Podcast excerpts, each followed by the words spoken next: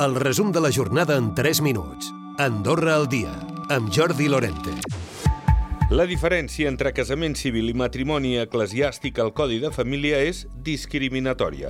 Així ho dicta una sentència del Tribunal Constitucional que dona la raó als consellers generals socialdemòcrates que hi van recórrer. Hi ha satisfacció a les files socialdemòcrates.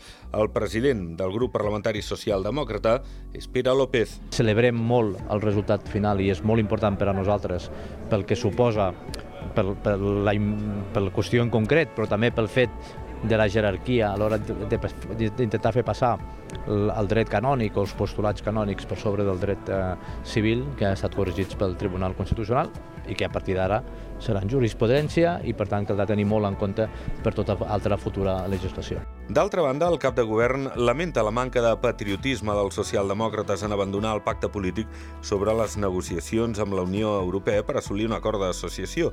A més, nega alguns dels postulats que han criticat els socialdemòcrates. Escoltem el cap de l'executiu, Xavier Espot. És absolutament fals que se'ls hagi ocultat documentació i no té cap eh, prova per acreditar-ho i per tant és un, és un argument espuri al final per, per justificar, com dic, no?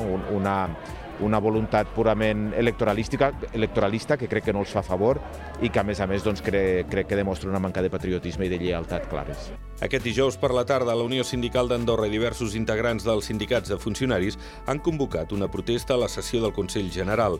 Es durà a terme a l'interior del Parlament i els participants escoltaran el debat en silenci. Això sí, aniran amb mascaretes reivindicatives. Afirmen que volen protestar per la pèrdua de poder adquisitiu de la ciutadania i que el govern no escolti les seves propostes. Els bancs andorrans activen un programa per facilitar el pagament d'hipoteques a les famílies en situació més complicada. La mesura permetrà ajornar la part de la compensació hipotecària amb una carència màxima de dos anys.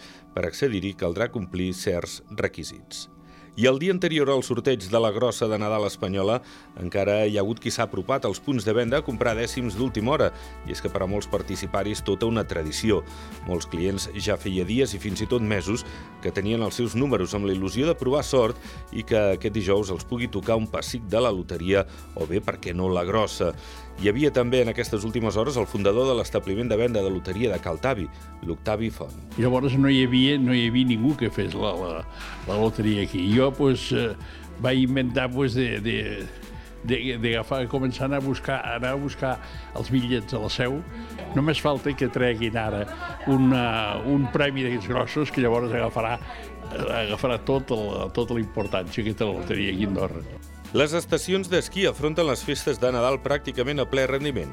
Gran Valira preveu oferir més de 130 quilòmetres esquiables, mentre que Palarinsal i Ordino Arcalís obriran el 100% dels dominis.